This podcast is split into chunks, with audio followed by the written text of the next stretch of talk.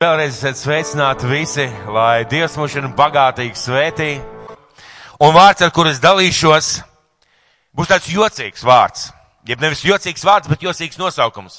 Kā garšo mīlestību? Jūs esat kādreiz domājuši, kā garšo mīlestību? Interesanti. Mēģināsim par to noskaidrot un mēģināsim šodien saprast. Tad vārds saucās, kā garšo mīlestību. Un mēs šodien svinam šos ražu svētkus, uh, kas, mēs, kas ir brīnišķīgi svētki, tas ir kā liecība par to, ka debes tēvs ir mūsu svētījis, devis augļus mūsu dzīvē, devis ražu kaut kādā veidā. Mēs svinam un pateicamies par ražu. Un šeit, šeit priekšā ir augļi. Tā ir mūsu raža, mūsu, da, mūsu darba augļi, varbūt kādas finansiālas lietas, varbūt kaut draža vai, vai rezultāts mūsu darbam, tajā, ka mēs esam strādājuši, darījuši, kaut ko veidojuši savā dārzā vai, vai strādājuši vienkārši nopirkšu veikalā. Tas viss šeit priekšā ir, un mēs visu to šeit priekšā varam redzēt. Un eh, tā nav vienkārši tradīcija, jo svinot mums ir jāatcerās, ka mūsu debes tēvs ir tas, kas dod svētības no debesīm. Nevis vienkārši paldies Dievam, ka ir raža, bet paldies Dievam, ka ir raža. Pareizi saliekot uzsvaras. Respektīvi, mēs svinam un priecājamies par to, ka debes tēvs mūs ir svētījis. Un tas ir kā atgādinājums, ka tā ir Dieva daba, ka Dievs mums dod, ka Viņš ir palīdzējis uzaudzēt, ka Viņš ir palīdzējis nopelnīt, ka Viņš ir palīdzējis sarūpēt. Un tas viss, kas ir šeit, ir kā liecība, kā pateicība, kā tāda zīme, ka Dievs ir bijis vēlīgs, ka Dievs ir bijis bagāts un ka Dievs bija žēlsirdīgs. Un mēs zinām, ka šajā vasarā bija daudz sausuma, bet uh, Ir, protams, zaudējumi kādi, bet nevarētu teikt, ka nekā nav. Un daudziem ir pat vairāk nekā kādus citus gadus. Un Dieva vārds, Dieva vārds runā par ražu svētkiem, kā ražu svētki tika iedibināti. Es varbūt nelasīšu to vietu, bet jūs to varat atrast. Trešajā mūsu grāmatā iet runa par to, ka Dievs saka taut, savai tautai, kad jūs ieiesiet apsolītajā zemē, kad jūs dzīvosiet pārpilnībā, rudenī jums ir vajadzīgi organizēt svētkus, jeb ražu svētkus, jeb būdiņu svētkus. Un septiņas dienas dzīvojiet būdiņās, lai atcerētos, ka jūs tēvi tā dzīvoja. Un lai jūs ieraudzītu, kur jūs esat nonākuši un kā jūs Dievs jūs ir svētījis. Un viņš saka, nevis vienkārši atcerieties, bet sviniet, līksmojieties un priecājieties par to. Viņiem bija jāsvin, jāatcerās, un arī mēs šodien svinam un atceramies to, ko Dievs ir darījis mūsu dzīvēm. Kad cilvēks stāda ābeli, viņš plāno ēst šīs ābeles augļus. Kad stāda dārzeņus, viņš plāno, cik un kādu ražu viņš eh, savāks, cik daudz būs, un eh, reizēm ir tā, ka tu iestādi labu kartupeli, dabū daudz mazākus un tārpainus. Reizēm ir dažādi, kā Dievs svētī, kā kurā gadā izdodās, bet cilvēks plāno, viņš domā, ka būs raža. Kad cilvēks strādā, viņš plāno, ka viņa dzīvē būs alga, kas būs pietiekoša, tam, lai viņš varētu uh, samaksāt, lai viņš varētu nopirkt, lai viņš varētu parūpēties par sevi, savu ģimeni. Un mēs gribam redzēt augļus. Mēs nedaram neko vienkārši tāpat, ja nu vienīgi varbūt garlaikojamies, bet, kad mēs strādājam, kad mēs stādām, kad mēs sējam, mēs gribam redzēt augļus. Un neviens vienkārši tāpat nepavada laiku tērējot. Un materiāli tas viss, ko mēs šeit apkāram redzam, fiziskām acīm, Un paldies tēvam, šeit ir ļoti dažādas lietas, kādam, piemēram, ir izaudzis, ja nemaldos, tā ir meloni. Nezināju, ka Latvijā aug melons, zināju, ka Latvijā aug arbūs. Tad paldies Dievam, kādam Maksimā vai Rimī izauga meloni. Un tieši šī melona, tieši priekš viņu un šajā īstajā laikā. Paldies Dievam, paldies Jēzum, paldies Svētēm garam. Bet kas ir patiesa, īsta, bagāta raža kristiešu dzīvē? Ja mēs šodien runājam par šo ražu, Mēs redzam, mēs varam pateikties. Mēs zinām, kam ir varbūt laukos kāds dārziņš bijis, vai, vai pagrabs, vai varbūt radiniekiem. Tāpat mēs redzam savus bankas kontus, mēs zinām un redzam, ir bijusi raža. Bet kas ir bagāta, dziļa un īsta kristieša raža? Ticīga cilvēka raža. Un kam vajadzētu būt šajā ražā? Un kā kristietim vajadzētu redzēt šo ražu? Mēs pateicamies par to, kas šeit ir Bet mēs nonākam, domājot par ražu pie jautājuma, kāds ir mērķis evaņģēliem? Kāds ir mērķis evaņģēliem? Ja mēs runājam par ražu, jautājums ir, kāds ir mērķis evaņģēliem? jeb evaņģēlijas sludināšanai, lai cilvēki sastaptu Dievu. Amen. Un lai caur to cilvēku tiktu izglābti. Amen. Lai caur to augtu garīgi. Amen. Un lai caur to no visas sirds iemīlētu Dievu, iemīlētu cilvēkus un iemīlētu sevi. Evanģēlīja mērķis nekad nav bijis pasludināt, tiec izglābts, lai tu neiet uz elli. Evanģēlīja mērķis vienmēr ir ar tālāku skatījumu, ar mērķi, lai cilvēks iemīlētu Dievu, iemīlētu cilvēkus un iemīlētu sevi, un, protams, lai viņš tiks ar to arī izglābts. Evanģēlīja mērķis vienmēr tāds ir bijis. Tātad Dievs stāda evanģēliju, lai izaugtu mīlestība. Dievs lūdza evanģēlīt ar cilvēkiem, lai cilvēki piedzīvotu mīlestību un lai cilvēki augtu mīlestībā. Un pirmā vēstule Timotejam, pirmā nodaļa, piektais pants. Es aicināšu jūs visus atšķirt. Pirmā vēstule Timotejam, pirmā nodaļa, piektais pants. Pirmā vēstule Timotejam, pirmā nodaļa, piektais pants. Bet sludināšanas mērķis ir mīlestība, kas nāk no skaidras sirds un labas apziņas un neliekuļotas ticības. Tad izrādās, ka ticīga cilvēka raža nav vienkārši ticība. Ka ticīga cilvēka balva par pūlēm nav vienkārši ticība un esmu izglābts debesīs. Tātad mērķis ir, lai cilvēks iemīlētu Dievu, iemīlētu cilvēkus un mīlētu sevi. Un, protams, ir glābšana, Protams, pa vidu ir pestīšana, protams, pa vidu ir izmainīt dzīvi daudz lietas, bet lai cilvēks iemīlētu Dievu, lai iemīlētu sevi un lai iemīlētu, eh, lai iemīlētu arī cilvēks apkārt. Un pirmā Jāņa vēstule 4.7. Pirmā Jāņa vēstule 4.7 līdz 9. Līdz 9. Pirmā Jāņa vēstule 4. nodaļa no 7. līdz 9. pantām. Mīļie, mīlēsim citu citu jo mīlestība ir no Dieva. Un katrs, kas mīl, ir no Dieva dzimis un atzīst, un uh, oriģināli rakstīts, pazīst Dievu. Tātad katrs, kas mīl, ir no Dieva dzimis un pazīst Dievu. Kas nemīl, nav Dievu atzinis, jeb iepazinis, jo Dievs ir mīlestība. Redzama ir kļūst Dieva mīlestība mūsu starpā Dievs savu vienpiedzimušo dēlu sūtot pasaulē, lai mēs dzīvotu caur viņu. Un cik svarīgi ieraudzīt šos vārdus, ko Dievs saka, kas mīl, ir no Dieva dzimis un pazīst Dievu. Ja tu mīli, tas nozīmē, ka tu pazīsti Dievu. Tu nevis vienkārši zini, ka Dievs ir. Nevis vienkārši esi debes valstībā, bet tu pazīsti Dievu. Un kas nemīl, viņš nav slikts cilvēks. Viņš nav pazudis cilvēks, bet viņš nav Dievu iepazinis. Jo Dievs ir mīlestība. Un ja tu esi Dievu iepazinis, tu nevari nemīlēt.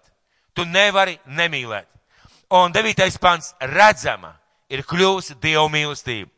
Mūsu starpā Dievs savu vienpiedzimušo dēlu sūtot pasaulē, lai mēs dzīvotu caur viņu.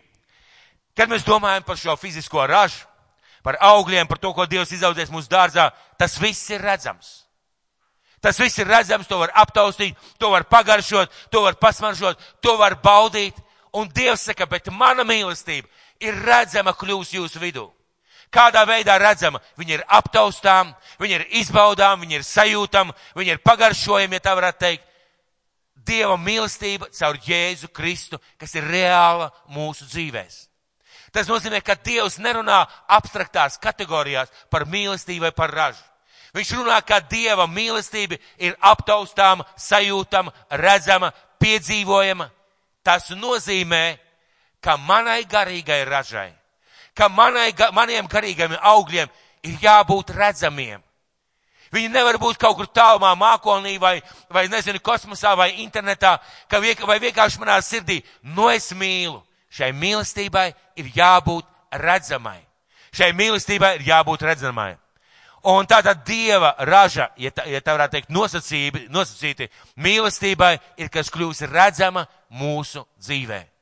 Dieva mīlestība kļūst redzama, un tā jau varētu tā nu, nosacīt, sacīt, ir Dieva raža. Un es jau teicu, kad mēs sējam, kad mēs pļaujam, kad mēs plānojam, kas un kā izaugs mūsu dzīvē, ja mūsu dārziņā mēs gribam redzēt.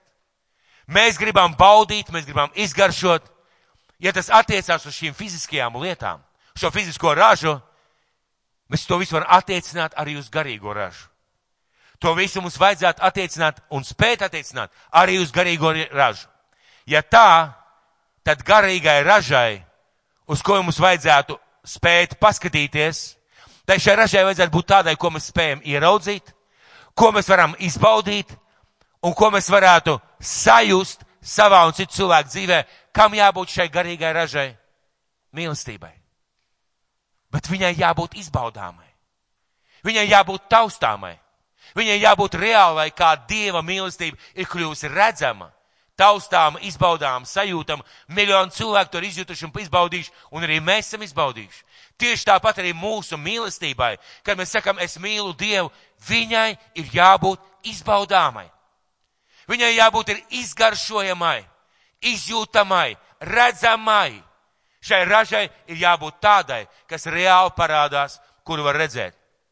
Bet kā tu mīlestību izbaudīsi? Nevar taču mīlestību tā vienkārši atnest, nolikt šeit uz skatuves un pateikt, mīļie, šitā ir mīlestība. Vai tā izskatās pēc mīlestības? Tā izskatās pēc mīlestības. Es jūs samulsināju. Ticiet man, tas izskatās pēc gēfrukta, laikam, jā? Ja? Tā viņu sauc, jā? Ja? Kā viņu sauc? Pamēlo. Redz, es jau kļūdījos, jā? Ja? Tad tas ir pamēlo. Tā nav mīlestība, mīļa. Tas ir vienkārši auglis, ko kāds cilvēks iegādājies, pateicoties savam darba augļiem. Tātad mīlestību nevar izbaudīt, tādā veidā nolikt šeit priekšā, pateikt, reku skaties, reku viņi stāv stacionāri, vai piemēram, re, Man ir mīlestība. Es viņu iekonservēju. Un tagad viņa trīs gadus varēs stāvēt uz plauktiņa. Ne es viņai pieskaršos, ne citi, bet, kad atnāks pie manas ciemos, es rādīšu, vedīšu uz godu istabu, teikšu, reku mana mīlestība stāv. Man viņa ir. Mīlestību tā nevar iekonservēt. Bet rakstīts, ka redzami ir kļūsi Dieva mīlestība. Tātad vajadzētu varēt ieraudzīt arī mūsu mīlestību. Un es gribētu mūs visus vest uz pirmo vēstuli korintiešiem Pirmā vēstule korintiešiem, 13. nodaļa. Daudz mēs par to esam dzirdējuši, daudz lasījuši, bet šodien es gribētu runāt vārdu, kā garšo, kā garšo mīlestību. Un lūk, pirmā vēstule korintiešiem, 13. nodaļa. Ir kāds auglis, kas aug mūsu dārzos. Viņš ir ļoti interesants. Ziniet, kāpēc viņš ir interesants? Ir tādas šķirnes šiem augļiem, kas ir ļoti mānīgi. Tu skaties no ārpuses skaists, dzeltens, brīnišķīga miziņa. Tu paņem rokās, iekodies un iekšā ir brūns. Kā sauc šo augli? Un negaršīgs. Brūns, negaršīgs un jau pārskābis. Bumbieris. Bumbieris mīļie. Ir tāds auglis, ko sauc par bumbieriem. Un ir dažādi bumbieri. Bet viena suga, kas aug mums dārzā, ir tāda, laukos dārzā aug tāda, ka liekas, nu cik skaisti bumbieri, bet tev ir burtiski jānoķer tā diena, burtiski jānoķer tā diena, ka viņš ir daudz maz vēl zaļš. Ja nē, tu skaties skaists, jauks, tu paņem rokā, un viņš pat tev var izšķīst rokā. Redziet, un ar bumbieri tā, ka no ārpus izskatās skaisti, un iekšpusē nemaz nav tik skaisti. Kas ir iekšā, tu nezini, tu redzi tikai šo te miziņu, kamēr tu nepārgriez vai neiekodies. Un tad, kad mēs paņemam un pagaršējam šādu bumbieri, parasti mēs viņu aizmetam, pareizi. Nu, neviens viņu neturpina ēst. Nokoši, varbūt apkoši apkārt maliņas un sērdi, pat ne sērdi. Lielāku daļu mīkstam aizmet. Un man ir kāda līdzība sagatavot jums. Un skatīt, lasīsim, lasīsim 13. nodaļu no pirmā panta. Ja es runātu ar cilvēku un eņģeļu mēlēm, un man nebūtu mīlestības, tad es būtu skanošs varš vai šķindošs zvārgls. Un Dievs paņem tādu bumbieru no mūsu dzīves. Un ziniet, kas ir šie, šis te eņģeļu un cilvēku mēlis? Tas tas, kā mēs runājam, kā mēs stāstam cilvēkiem, kā mēs liecinām, kā mēs kaut kādā veidā ar vārdiem izpaužam savu mīlestību vai savas attiecības vai vēl kaut ko. Mēs reizēm runājam, Dievs paņem šādus mūsu vārdus, kā bumbieri un saka, paskatīsimies, kas tur iekšā. Viņš paņem, pārgriež. Šie ir Maksims bumbieri, viņam tā nemēdz gadīties. Bet izrādās, ka iekšā nekā nav. Iekšā vienkārši nekā nav. Un ko Dievs saka? Un ne man nebūtu mīlestības, es būtu skanošs švarš vai šķindošs zvārguls. Cilvēki dzenās pēc tā, lai labi sludinātu. Cilvēki dzenās pēc tā, lai liecinātu, lai mācētu runāt, lai runātu eņģeļu un cilvēku mēlēm. Un Dievs saka, paskatīsimies, kas šim bumbieriem iekšā.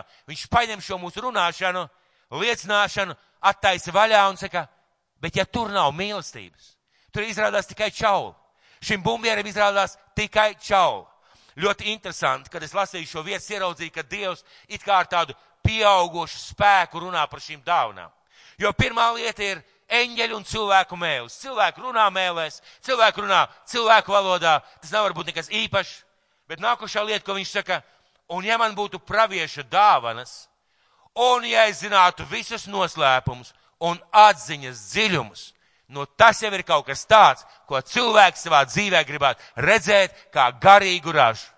Un Dievs paņem nākošo bumbierīti, jau bišķi lielāku. Saka, paskatīsimies, kas šajā bumbieri iekšā. Pārgriež šo bumbieri, atver vaļā un, saka, kāda jēga tavai pravietošanai, atziņas dziļumiem, gudrībai, bībeles zināšanām, ja tur iekšā nekā nav. Dievs paņem šo bumbieri, pārgriež, saka, tur iekšā nekā nav. Mēs bieži vien, mēs bieži vien dzenamies pēc šīs ražas. Mēs dzenamies pēc tā, lai mēs runātu, un tas ir kā liecība tam, kā esmu auglīgs kristietis. Tad mēs dzenamies pēc tā, lai mums būtu pravieša dāvanas, lai zinātu atziņas noslēpumus un atziņas dziļumus. Mēs dzenamies pēc tā, un Dievs mūs aicina pēc tā dzīties. Bet viņš saka, bet ja mēs paskatāmies iekšā, un ja ārpusē ir tikai čaula, bet iekšā nav laba mīkstuma, jeb mīlestības, tad tas ir tukšums. Tad tā ir tikai miza. Tad tas neko nenozīmē. Un ja man būtu pilnīga ticība, ka varētu kalnus pārcelt, bet nebūtu mīlestības, tad es neesmu nekas. Un viņš skatās uz tādu bumbieru un saka, tev pašam patīk, un cilvēkiem liekas forši. Un cilvēkiem liekas labi, bet ja iekšā nekā nav, tu neesi nekas. Un Dievs šajā vietā nevis nonicina mūs, ka mēs neesam nekas Bet patiesībā viņš runā uz mums, lai mēs paši ieraudzītu. Viņš saka, tad tu neesi nekas. Jā, tu kalnus pārcēli. Jā, tu runāji praviešu atklāsmēm. Tu vēl kaut ko darīji, bet ja tas nebija aiz mīlestības, izrādās, ka tam nav bijis nekāda nozīme. Dievs ir tālāk. Dievs ir tālāk. Viņš paņem vislielāko bumbieru. Un šis lielākais bumbieris ir, un ja es visu savu mantu izdalītu nabagiem, Neviens negrib šķirties no savas mantas. Un Dievs saka, bet ja tu nonāc pie tādiem augļiem, ja pie tāda rezultāta, ja pie tā tavā dzīvē, ka tu visu savu mantu izdali nabagiem. Un tas ir vēl pamaz, un nodod savu miesu, lai, nodod savu miesu, lai mani sadedzina, bet man nebūtu mīlestības, tad tas man nelīdz nekā. Dievs paņem šo milzīgo upuri Šo milzīgo darbu priekš Dieva, priekš cilvēkiem, priekš kā Dievs mīlēja cilvēkus.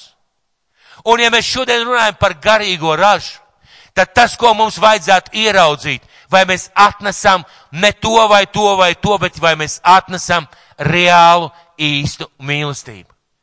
Un kāds teiks, kā var izgaršot reālu īstu mīlestību? Kā var atšķirt, kad cilvēks atdod savu mantu, kad cilvēks nodod sevi sadedzināšanai vai savu miesu kaut kam citam, vai kā var atšķirt, vai cil, kad cilvēks runā ar mēlēm, eņģeļu mēlēm, pravietojumu, atklāsmi. Kā var zināt, ka viņā nav šīs te mīlestības? Kā var zināt, ka viņā nav šīs te mīlestības? Un skatieties, Dievs mūs ved tālāk. Uz ceturto pantu. Mīlestība ir lēnprātīga. Un mums ir vajadzīgs mēģināt, mēģināsim šajā dievkalpojumā izgaršot, kā garšo mīlestību. Un eh, kāpēc mums vajadzētu to mēģināt izgaršot, lai mēs varētu izgaršot vai iztestēt, kāda ir mūsu mīlestība un kāda ir Dieva mīlestība uz mums.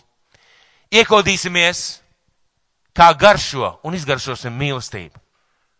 Un lūk, Dievs saka, lūk, kā garšo mīlestību. Mīlestība ir lēnprātīga. Es lasīju grieķu komentārus, ko nozīmē katrs šis vārds, un es mēģināšu nedaudz komentēt. Mīlestība ir lēnprātīga. Tas nozīmē būt pacietīgam, būt noturīgam attiecībās ar cilvēkiem. Tas nozīmē būt tādam uzklausošam cilvēku, kad, kad mēs runājam ar cilvēkiem. Mīlestība ir lēnprātīga. Viņa neskrien pa priekšu, viņa negāž kauns, viņa neatstāja savu svētru un nolīdzināts un nodedzināts tiltus. Mīlestība ir lēnprātīga. Mīlestība ir laipna. Kāds ir laipns cilvēks? Viņš ir pieklājīgs, viņš ir atsaucīgs, viņš ir labsirdīgs, viņš ir žēlsirdīgs. Mīlestība ir laipna. Kad mēs kādreiz darot kādus darbus, vai rīkojot kādus pasākumus, vai kalpojot draudzē, kad mēs kādreiz steidzamies vai skarbi atbildam vai kaut kā tādā veidā izturamies, tas liecina tikai par to, ka nav šīs te mīlestības. Jo mīlestība ir laipna. Mīlestība ir laipna. Laipns nozīmē cilvēks, kas ir patīkams citiem. Un es zinu, ka mums bieži vien cilvēki, kā cilvēkiem neiznāk būt laipniem.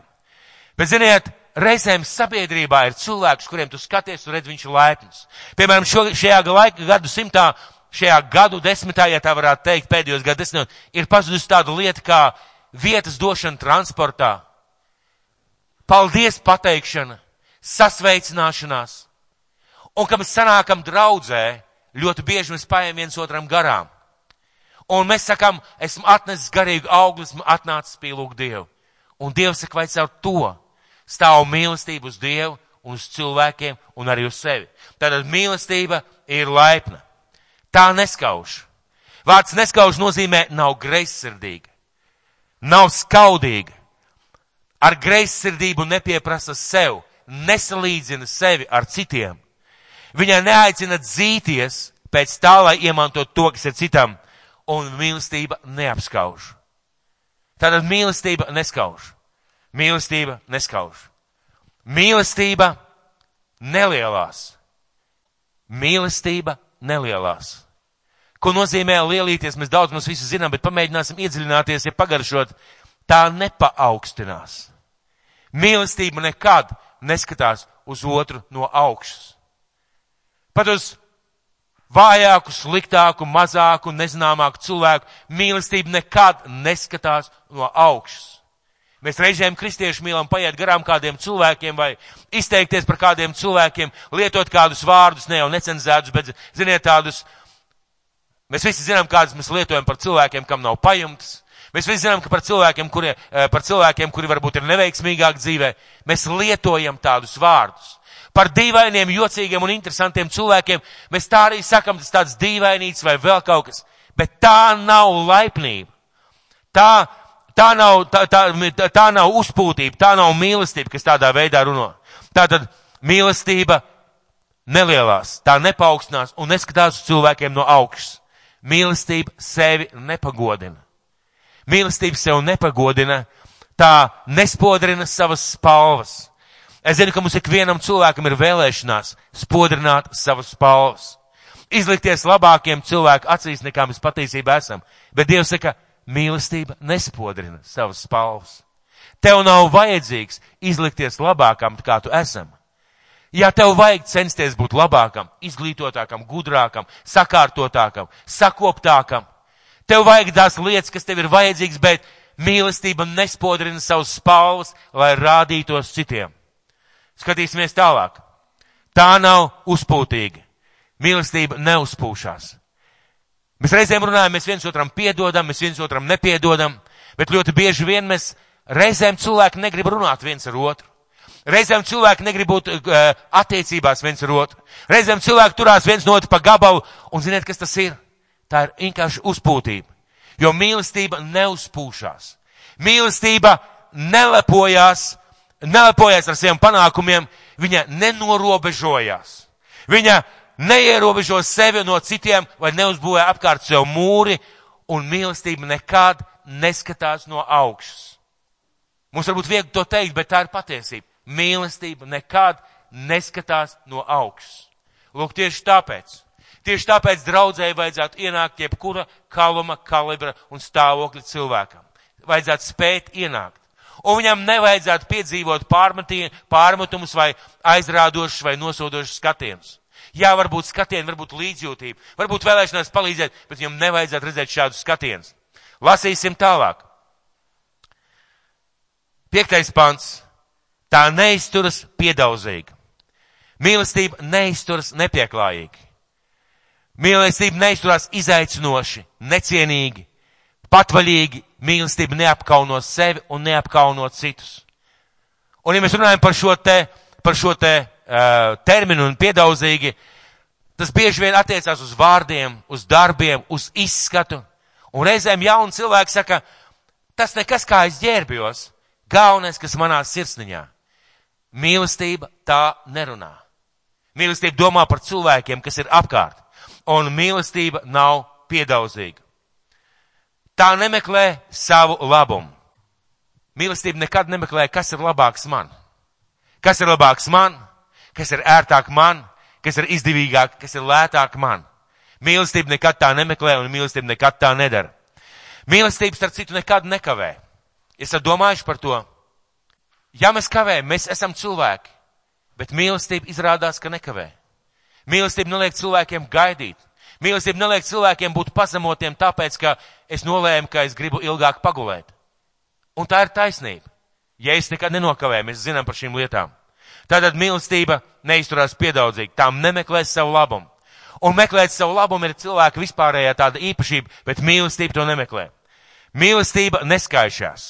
Vārds neskaišās nozīmē neļaujunojas, nedusmojas, neiedegās dusmās, neatgrūž un nenoniecina. Tā nepiemin ļaunu. Viņa nedomā ļaunu. Viņa nerunā par ļaunu. Viņa neceļ ļaunumu augšā. Viņa neatgādina par ļaunumu. Viņa neliek kādam cilvēkam justies ērti, jo atceries, toreiz, tad un tajā reizē tu izdarīji tā vai tā vai tā. Mīlestība nepiemin ļaunu. Tālāk, skatīsimies tālāk. Tā nepriecājas par netaisnību. Mīlestība nepriecājas par netaisnību. Vai kādreiz jums gadījies dzirdēt, tā viņam arī vajadzēja? Ir gadījies? Viņš to bija nopelnījis. Rekā viņam izdevās apkrāpt valsti, apkrāpt cilvēkus, rekā viņam labi sokās. Mīlestība nekad tā nedara. Mīlestība pret Dievu un cilvēkiem nekad nepriecājas par otru nelaimu un neveiks, un tieši tāpēc Dievs saka psalmos, un Dāvids saka, kad maniem ienaidniekiem gāja slikti, es par viņiem gavēju, es par viņiem lūdzu.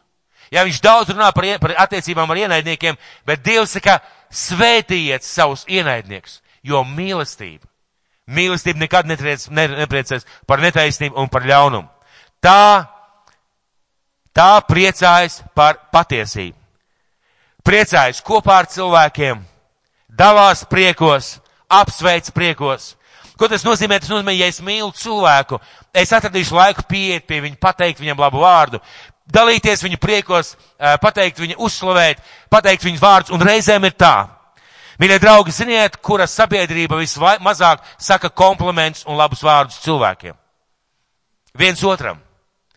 Izrādās, ka Dievu bērni. Ziniet, kāpēc? Kā nepaukstinās. Kā nekļūst lepns Un ir pat tāda mācība, mums visiem jāpastaigā pazemībā, jo ja mēs kādam tagad sāksim slavēt, pateikt labus vārdus, vai iepriecināt, vai iedrošināt, vai uzslavēt, kad tik brālis vai māsa nepaukstinās. Un tā ir nelaime, jo cilvēkiem ir vajadzīgs atbalsts, cilvēkiem ir vajadzīgs iedrošinājums, un mīlestība priecājās par patiesību. Mīlestība priecājas par labiem darbiem, priecājas par labu izdošanos, tāpēc, mīļie draugi, ja mēs mīlam cilvēkus, Mēs spēsim pieiet pat vissliktākajam cilvēkam pateikt, bet nekas tev izdodas citas lietas labāk. Tev daudz kas izdodas labāk, un mēs atradīsim labo, ko viņam pateikt. Tā apklāja visu. Ko nozīmē apklāt visu? Iedomāsimies drēbi, kas apklātu šo skatu. Jā, šeit ir dažādas lietas, ābolu, bumbieri. Es šeit stāvu un tagad iedomājieties lielu, lielu drēbi. Viņa tā nonāk no debesīm un apklāja visu. ko jūs redzētu? Jūs redzētu drēbi. Un es tur apakšā iespējams, ka kuņātos, jā? Ja? Un visiem būtu jautri. Bet patiesībā mīlestība tieši tādā veidā izpaužās. Viņa apklāja visu. Viņa noklusē visu. Viņa iztur visu. Viņa pacieš visu. Viņa noklusina, ja tā varētu teikt, visu. Un ja mēs gribam cilvēku svētīt, mēs tādā veidā izturamies pret cilvēkiem. Tā tic visu. Mīlestība ir uzticama, viņa ir nešaubās par citiem cilvēkiem, un viņai var uzticēties. Un redziet, ka kādreiz, kad kādreiz cilvēki rīkojās savās kalpošanās, savās ģimenēs neusticami, viņam reizēm pat nenāk prātā, ka viņi patiesībā šajā mirklē pārkāp mīlestības bausli. Piemēram, es apsolos norai atnākt palīgā šeit, sakārtot visu, un pēc tam es atsūtu vienkārši izziņu, piedod noriņu, es nevarēšu. Tā vietā, lai atrastu kādu citu, tā vietā, lai atliktu citus darbus, sasūtu vienkārši izziņu, piedod, es nevarēšu. Es, piemēram, apņemos rūpēties par kādu lietu, atbildēt draudzē vai ģimenē vai savā darbā par kādu lietu, un tad es pēkšņi pārdomāju un saku, nē, nē, es to nedarīšu. Un patiesībā tā nav mīlestība. Cilvēks pat nesaprot, ka viņš nestaigā mīlestībā. Tā, tā, tā tic visu, tā cer visu, tā panes visu, tā cer visu. Mīlestība paļaujās, viņa rīkojas, viņa ir pārliecināta. Tā panes visu. Tā panes visu. Paliek uz vietas, pacieš, iztur un pārcieš. Kāpēc šāds uzskaitījums, kāpēc Dievs veltījis tik daudz pantus, lai šādā veidā nocitētu vai parādītu, jo mums ir šī tendence. Mums cilvēkiem ir šī tendence, domājot par Dievu valstību, redzēt šādu skatu, redzēt no ārpuses, redzēt spožumu, spalvas, panākumus, izdošanos, redzēt skaistas seju izteiksmi, ka tev paspiež roku, skaistas lietas, ko mēs darām viens otram vai kaut kā savādāk, labi it kā izturamies, bet Dievs saka, bet es gribu redzēt iekšā. Un es gribu pagaršot mīlestību caur jums. Es gribu pagaršot, kā jūs mīlat. Mums uz Ziemassvētkiem bija lielisks pasākums. Šie klauni tēloja teātri, ja kas bija toreiz, varbūt neatcerās, ka Dievs atrakstīja vienam no klauniņiem vēstuli. Es šodien gribu būt pie tevis ciemos. Vai tu mani sagaidīsi? Un šis klauns spēlēja šie teātrus skatuves, un viņš gatavoja galdu, domāja par ēdienu, un pēkšņi atnāk viņa kolēģis un saka, šausmīgi gribās ēst, un tam cilvēkam, tam klaunam tur izvārīta vista kārtīgi.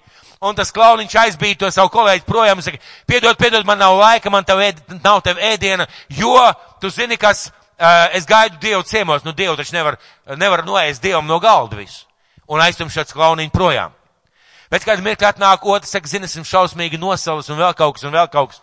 Zini, man nav laika, eh, Dievs apsolies atnākt ciemos, stumi projām, šeit tev sedziņa, ej projām, man nav laika, es Dievam gatavoju cienest.